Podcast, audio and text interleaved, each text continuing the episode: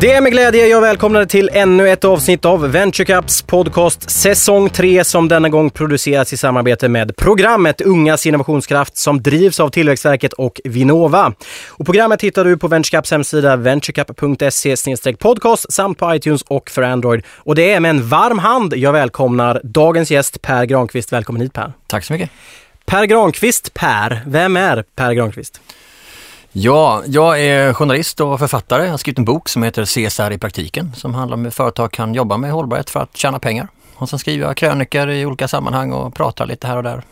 Det är ungefär vem jag är. Och från Kalmar. Ja, jag är född i Kalmar men jag är, jag är faktiskt från Skåne. Så det... Se där. Du, sa, du sa det själv, hållbart, tjäna pengar på hållbarhet, går det? Ja.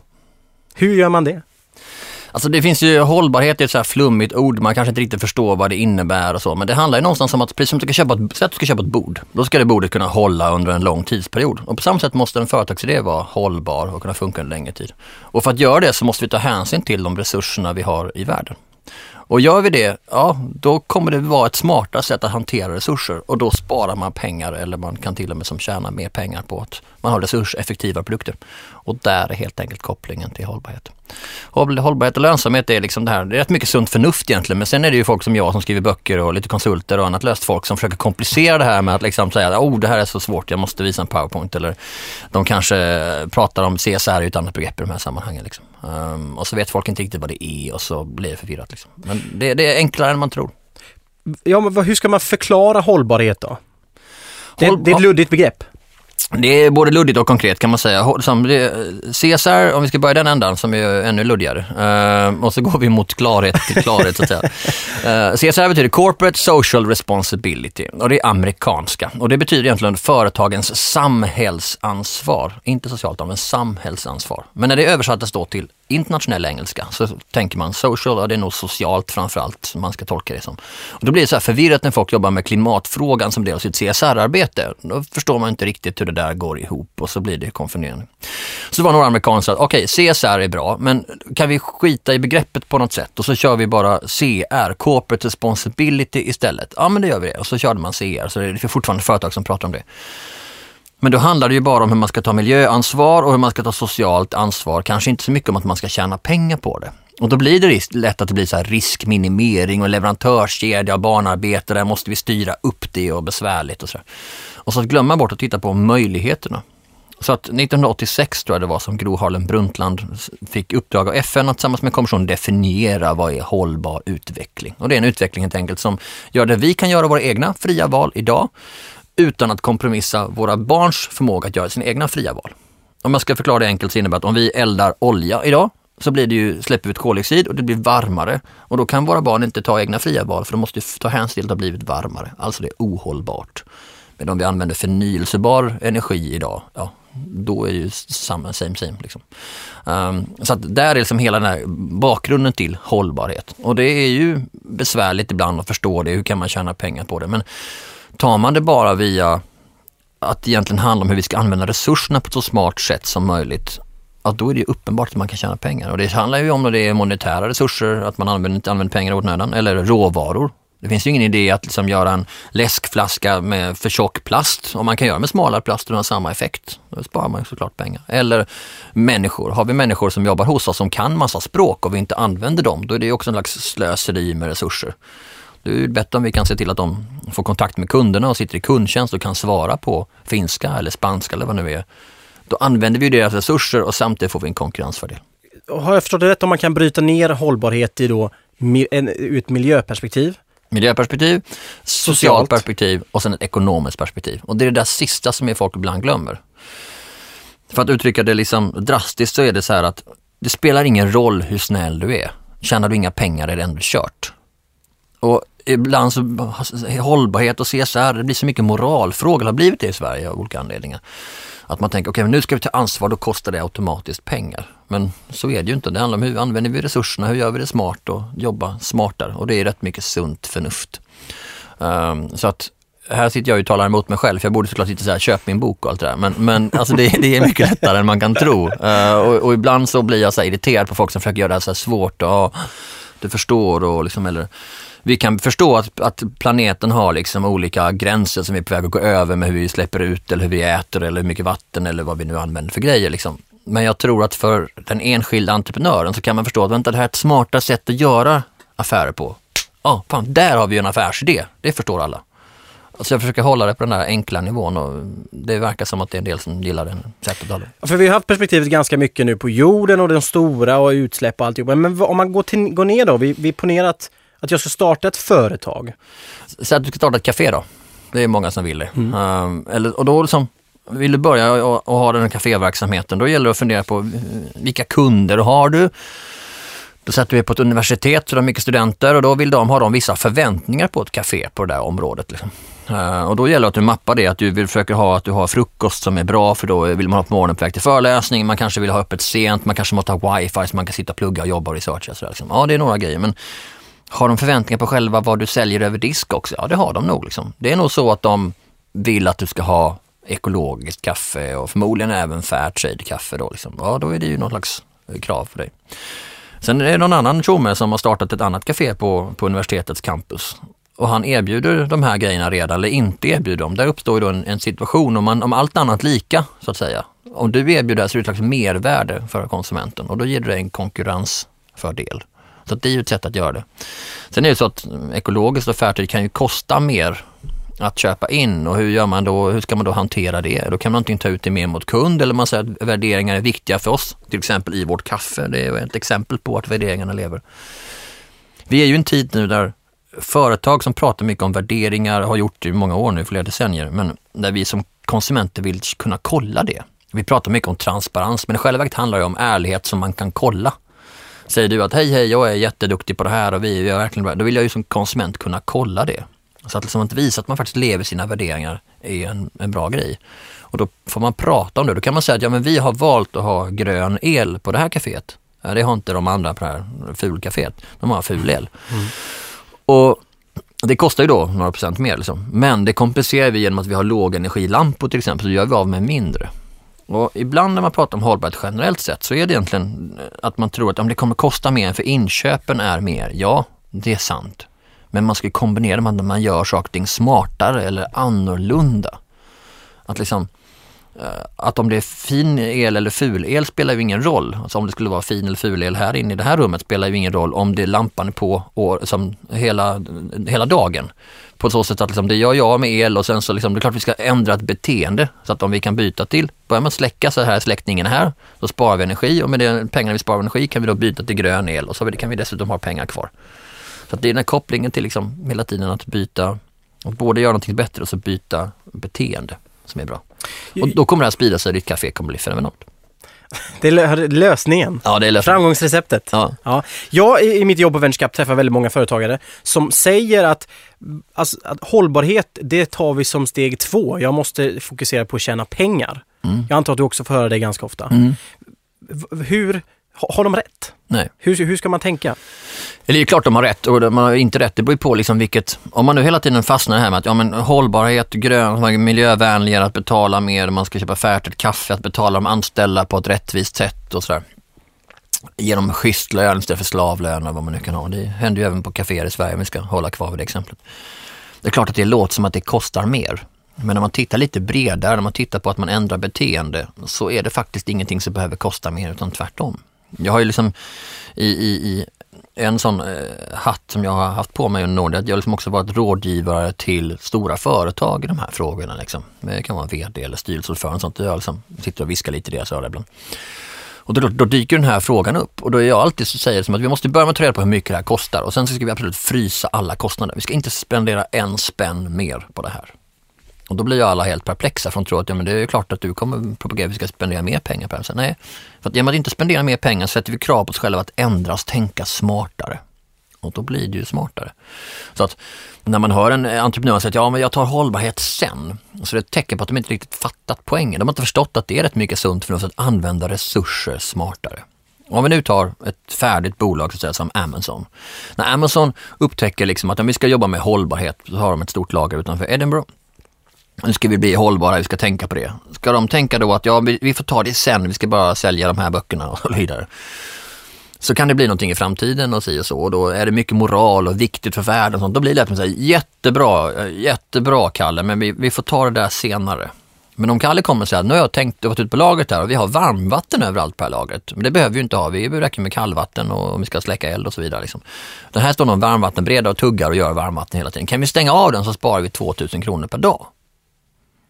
Jag ställt på det sättet så blir frågan mycket enklare. Tycker någon att vi ska slå av den? Ja, det tycker vi ju.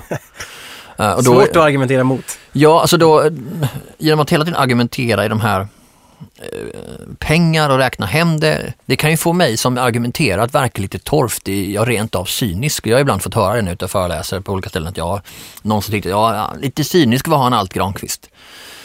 Så därför säger jag nu det direkt att ni kan uppfatta mig som cynisk för att jag pratar om pengar hela tiden. För att prata om hur man kan tjäna hem det, hur man kan räkna hem det, hur man kan investera, hur man ska göra det, hur man ska liksom öka lönsamheten. Men hellre att bli kallad lite cynisk för det än att bli kallad för, fan vad skön han är Granqvist, men han kan ju inte räkna hem pengar, räkna hem någonting. Alltså så det handlar, genom att ta allting ur ett pengaperspektiv så blir det lättare att få igenom besluten. Sen när man inte förstår helheten så blir man kanske liksom torftigare middagssällskap och så, men det får man ju i så fall ta. Så våga prata om det ur ett pengaperspektiv, inte ett moralperspektiv. Det tror jag är en viktig lärdom för svenska företag, både de som precis ska starta och för de stora. Men om vi går tillbaka till det kaféet som är ett ypperligt exempel tycker jag. Mm. Eh, om, och vi pratar om, om, om att ändra sätt och, och använda resurser smartare. Mm. Vi, vi, säger att vi har ett, ett likviditetsproblem. Jag måste ha in mer pengar och står då mellan att använda miljövänligt papper, miljövänliga servetter och, inte, och icke miljövänliga servetter. Mm. Eh, hur, hur ska man motivera sig att tänka hållbart i sådana lägen när man har det, och det är ganska ofta när man startar ett företag i början, man har problem, mm. ekonomiska problem. Och då gäller det att man tittar, eh, vi har servett A som är eh, ful och vi har servett B som är fin och grön och sådär. Eh, då får vi, ska vi ställa, ställa frågan, behöver vi använda så mycket servetter? För då ändrar vi beteende. Jag jobbade en gång i tiden på en kafékedja eh, som jag var med och byggde upp och eh, där upptäckte jag ganska snart att man delar ut sådana sockerrör du vet som man får när man köper en espresso får man ett rör med socker som man egentligen aldrig äter för man pillar sönder dem och, så här, och leker med dem. Och så stod det dessutom sockerkannor på alla, eh, sockerströar på alla borden. Så det var ganska onödigt. Vi hade 95 take eh, stay och bara 5 take away. Men det här är ju en take away produkt egentligen. Liksom. Så att jag bara bestämde att vi skulle eliminera de här. Och då hade vi ganska många kunder varje dag. Och så kostar de här som 10 öre styck. Jag tror vi hade 10 000 gäster per dag som gick in och så vi räknade ut att vi hade 10 000 sådana om dagen som gick åt. Och när jag kunde eliminera de där, ja då hade jag sparat nästan då liksom, som 1000 spänn om dagen. Och det innebär att det handlar inte om vi kunde göra dem Fairtrade-socker eller ekosocker, utan det handlar om att eliminera det som något som var ganska dum resursanvändning av socker. Så att det gäller att ta ett steg tillbaka, behöver vi lämna ut så mycket servetter, behöver vi lämna ut så mycket socker? Liksom. Plus att sen så alla lönesamtal jag sen hade så fort det skulle vara revision satt jag alltid med ett så pass sockerrör och lekte som en liten signal på att jag var rätt duktig på att hitta pengar. Jag förstår. Det känns som att man eh, blandar ihop ibland hållbart företagande och goodwill. Mm. Det, började, det känns som att det kanske började så, eller fick mycket uppmärksamhet så i, i media, att det var liksom någonting man gör för att vara bra vi heter eh, Vi Vileda och sen så är vi med på det här med bröstcancer och så gör vi någon rosa mopp och sen så verkar vi lite sköna och så skänker vi lite pengar till cancer. Men man fattar liksom inte kopplingen till businessen. Man förstår liksom, det känns ju rent ganska sunkig som kvinnosyn de har. De tänker att kvinnor bara är vid moppen och sådär. Och då blir det ju fel och det är ju faktiskt en dålig idé och dåligt företagande. Um, och, men den fick väldigt mycket uppmärksamhet som man kallade det för att vara pinkwashing när det är rosa bandet eller greenwashing eller miljö. Liksom. Man kanske la 100 000 på någonting, att för miljöåtgärder så la man 500 000 på att tala om hur himla bra man var. Och det är faktiskt, man ska prata om det som med dess rätta namn och det är faktiskt bara dumt. Vi måste våga säga att det finns företag som är bra och företag som är dåliga. Det finns företagande som är bra och företagande som är dåligt och idéerna är bra en del är Det var en dålig idé helt enkelt. Och då reagerar kunderna på det. Är det någonting som du som kund tycker är, alltså jag fattar inte det där, det är något skumt. Då är det förmodligen inte så himla bra liksom. Um, sen är det en del företag som får kastat efter hela tiden. Ja, H&M de syr allting så jävla billigt där borta någonstans och usch vad de är dåliga. Alltså, liksom. Äh, jämför med dem, hur de andra gör då så ser vi snart att H&M är väldigt bra och gör väldigt mycket och försöker göra väldigt bra grejer. Jag är hm kramare jag kan stå för det. Liksom. För jag har sett på, eh, i detalj vad de gör för mycket bra grejer. Och sen klart att i media så kan man bara säga ja det där är bara goodwill, eh, på och de menar inte riktigt. Liksom. Men det, om man som kund känner att äh, jag tycker det här verkar äkta så är det förmodligen det. Och tvärtom, du tycker att det här verkar som att det här hittar på. sluta handla det då. Men kom inte till mig och klaga på att ett företag är så här, ja men de där är så dåliga, usch. H&M, usch vad dåliga de är och man, de svimmar i deras fabriker. Så har man några konstiga liksom, aktioner utanför hm butiken där man har massor svimningar och så har man kallat dit pressen och är kanon liksom. Och sen så på vägen ut så liksom, går man genom butiken och så handlar man en topp för 49,90 liksom. Då får du vara någon slags moralisk kompass som säger att jag tycker de är dåliga, jag tycker de är bra, men liksom, då får man också ta konsekvenserna av sitt agerande.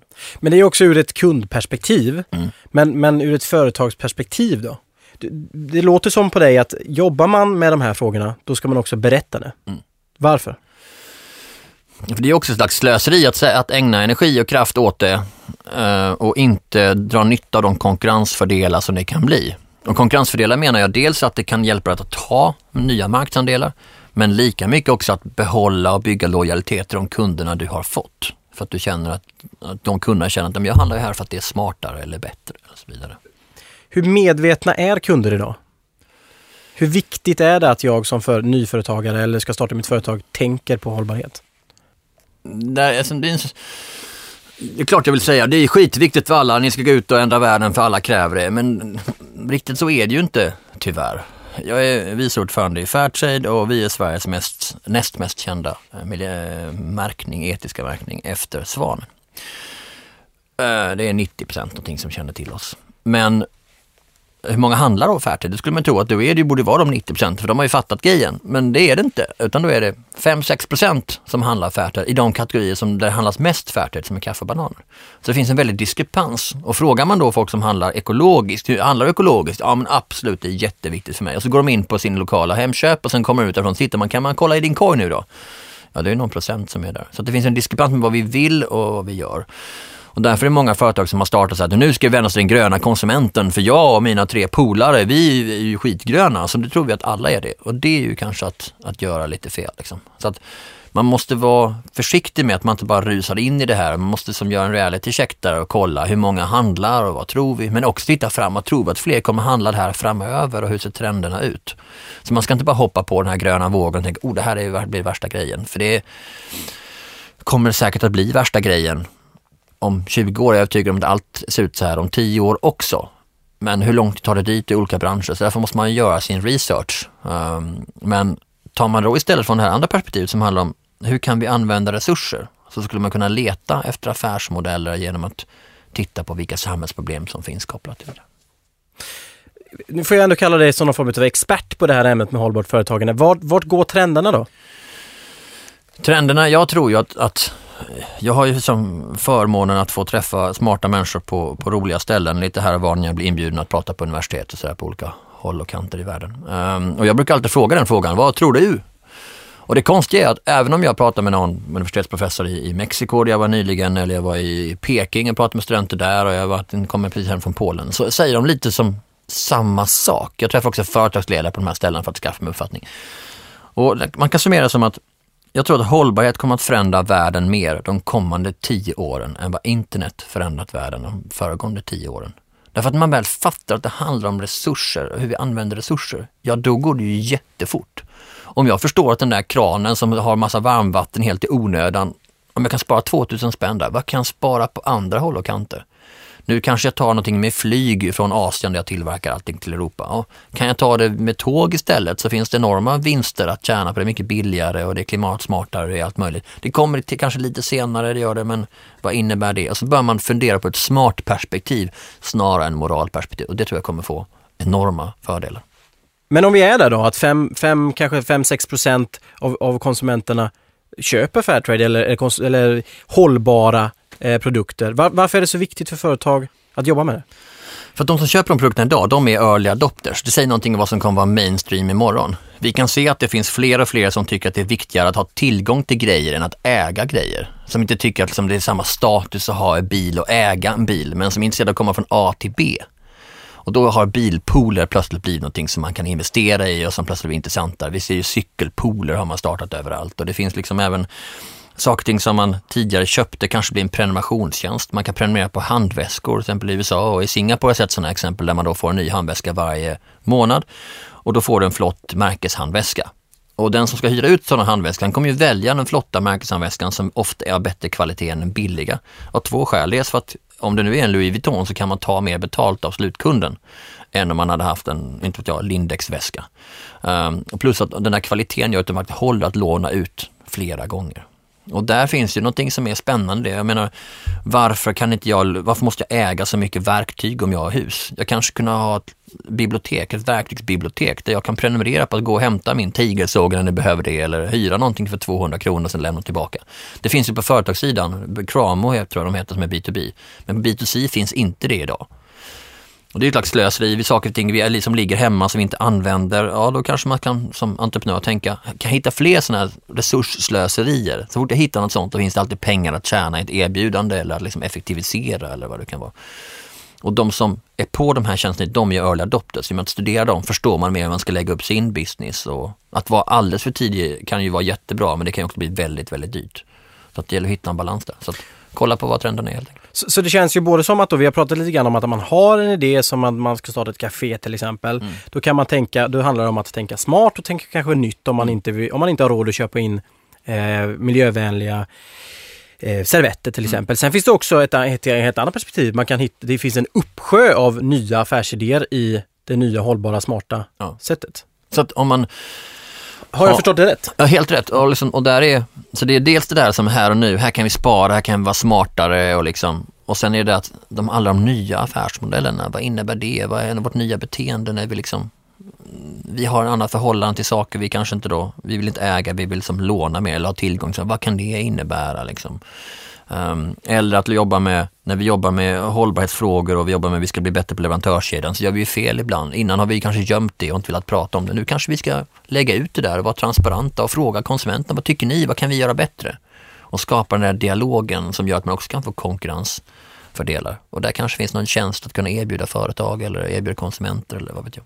Men vi går tillbaka till scenariot där vi har en idé. Vi är i ett väldigt tidigt skede. Vi, har, vi kanske inte ens har klickat på att registrera bolaget än, mm. utan vi, vi är så pass tidigt. Mm. Hur viktigt är det att tänka i de här banorna då?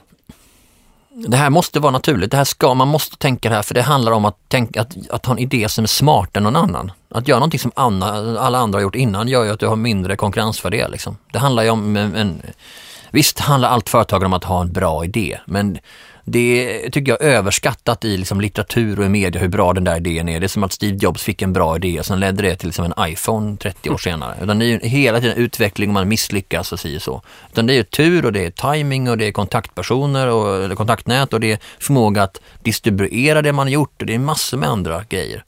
Så att, liksom att, klart idén ska vara så bra som möjligt och liksom när du börjat med det men om du då tar in hållbarhet i det så ser du till att både att, eftersom trenden går i den här riktningen, att du har med det från början. Annars måste du byta riktning längre fram eller ändra någonting längre fram. Du kan lika bra ha med det från början. Och sen också det att det faktiskt kan göra att du har, får bättre marginaler från början. För att du har, använder mindre plast eller använder människor på ett smartare sätt. Eller så. Finns det någonting som, som man när man är i det eh, tidiga skedet bara så här, ja men tänk på det här viset. Finns det någon, någon liten ABC-skola kanske? Puh, um Ja, jag eh, tittar runt omkring det. Var finns det saker och ting som används på ett fel sätt, som inte används tillräckligt mycket eller används för mycket? Att börja titta där och titta det i verksamheten om man vill starta café. Hur ser det ut idag? Det är väldigt mycket pappersmuggar. Kan vi adressera det på något sätt och göra det som vi kan göra att vår affär blir smartare eller är folk frustrerade över att alltid ha pappmuggar så vi kanske ska hitta någonting kopplat till det. Vi kanske ska erbjuda på, ditt café ska kanske erbjuda kaffeabonnemang för 3 och 6 per år och då kan man alltid komma in och fylla på kaffe hur mycket som helst i sin mugg. Det kanske är ett sätt att ändra det liksom. För att du slipper, då måste du med din egen mugg va.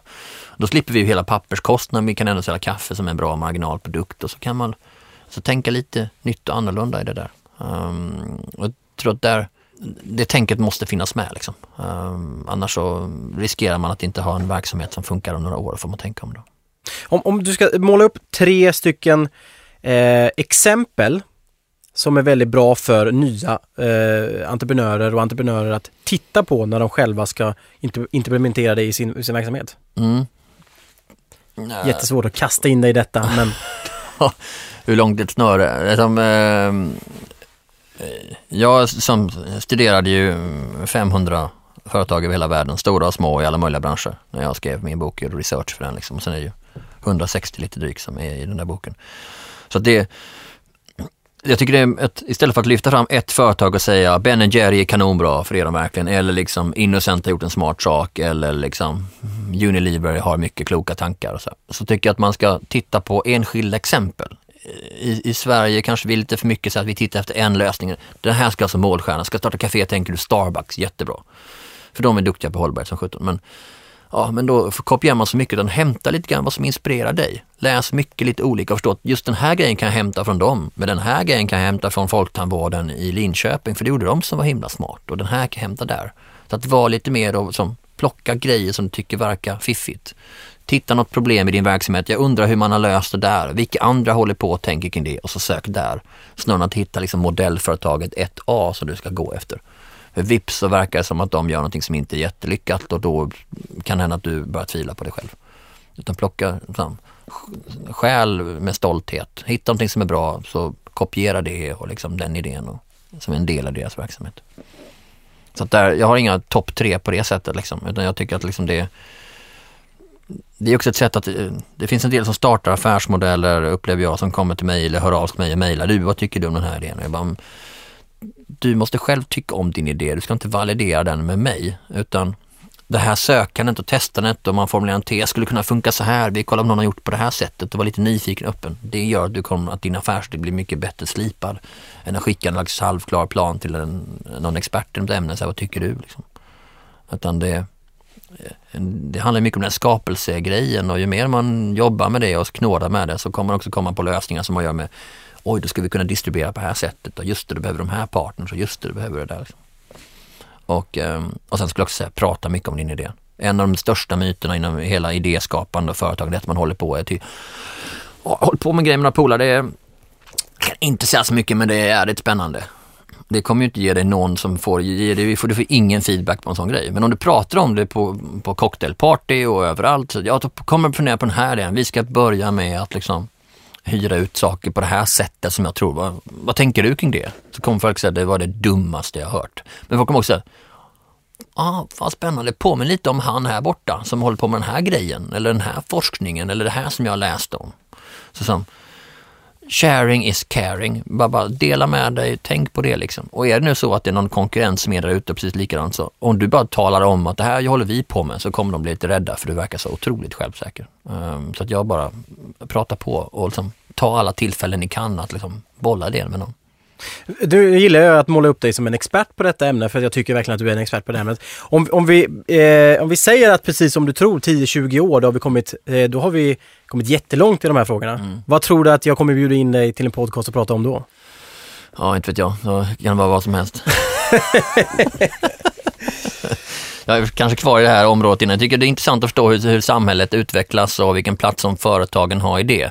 Snarare än att försöka förstå näringslivet. Jag tror att ibland så blir det att man fokuserar på mycket, vad gör företag, vad gör företag? Men tittar man historiskt i Sverige och, och liksom, jag försökt som, när jag, som i den nyaste upplagan av boken som kom så har jag tittat på ansvarstagandet i Sverige under hundra år eh, och då ser man att den innovativa sektorn i Sverige är ju inte företagandet nödvändigtvis men ideella sektorn. De har kommit på supermånga bra lösningar för att lösa samhällsproblem och där kan man lära sig. Så att titta liksom i, i sidled. Jag tror att jag någonstans håller på att försöka fortsätta förstå samhället och samhället utvecklas även om 20 år. Vi har under den här eh, snart halvtimmen tagit död på en del myter vad gäller hållbarhet tycker jag. Det är många som tror att det är samma sak som goodwill och sådär. Mm. Ehm, eh, det jag möts också av det är att nej men det där är någonting för de stora företagen. Hållbarhet, det kan bara stora företag jobba med. Det är ingenting för mig som, som har så litet företag. Nej, men det är ju tvärtom, det är lättare för småföretag. Jag har, brukar berätta en historia om att när jag var ute och pratade, så tycker jag om att prata för småföretag just för att det blir en väldigt liksom, bra koppling. Så var jag i Vara och så pratade jag där en morgon för folk från företagare från Vara. Och sen när jag var färdig så kom det fram bagaren i Vara kom fram till mig och frågade Hej hej, du bara, bara förstå att jag har förstått dig rätt här nu. Ja, okej. Okay. Jag bakar ju eh, varje natt och jag fyller ju ugnen då fyra gånger. Eh, borde jag istället fylla de här plåtarna jättetätt med kakor och baka tre gånger per natt istället? Är det det som är hållbarhet? Bara, ehm, eh, ja, det kan man nog säga. Så fick jag tänka efter. Och det, för han sa, ja, för det ena är ju smart och det andra är dumt. Så han var den som fick mig att förstå det här med att man faktiskt kan sätta det som, det ena är smart, det andra är dumt. Vi håller på för mycket och daltar med företag och idéer och entreprenörer i Sverige. Ja, det där är en jättebra idé. Det, det där kan ju mycket väl funka. Så det där verkar ju vara skitdåligt. Vi har ett ansvar att säga till folk när saker är skitdåliga. Det är smart eller det är dumt. Man kan faktiskt dela in affärsidéer i det. Liksom. Och småföretagare gör det mycket naturligare. För ett storföretag säger det här var en spännande idé men, men eh, eh, du kan väl titta på det här Katarina, säger man. Och så får Katarina titta på det här projektet. Det, men där har vi inga pengar till, det kommer inte, det driver bara kostnader, det gör ingenting. Småföretagare det är ju lite mer sunt förnuft och smart eller dumt och bagaren i vara. Ja men det verkar ju dumt att baka i onödigt många gånger med tanke på den här ugnen kostar 1500 spänn varje gång jag drar igång den. Så småföretagarna om man bara kan komma ifrån det här med att oj det här är svårt och CSR och komplicerat och man måste köpa böcker och plocka in konsulter. Utan bara, men vad är, var använder resurser felaktigt? Där kan vi alltid spara pengar, varenda gång. Liksom, visa mig hundra exempel där man sparar resurser och det är hundra exempel på att man kan spara pengar. Det, så att liksom, småföretagarna har en fördel där mot stora företag. Sen är det ett problem när man som jag som är författare som ska försöka ta reda på vad småföretagen gör, för de har ju inga kommunikationsavdelningar. Så enda sättet att få det är att hänga med de här människorna i dagarna och sen så bara, ja nu, det här, du gör ju det här som är jättesmart.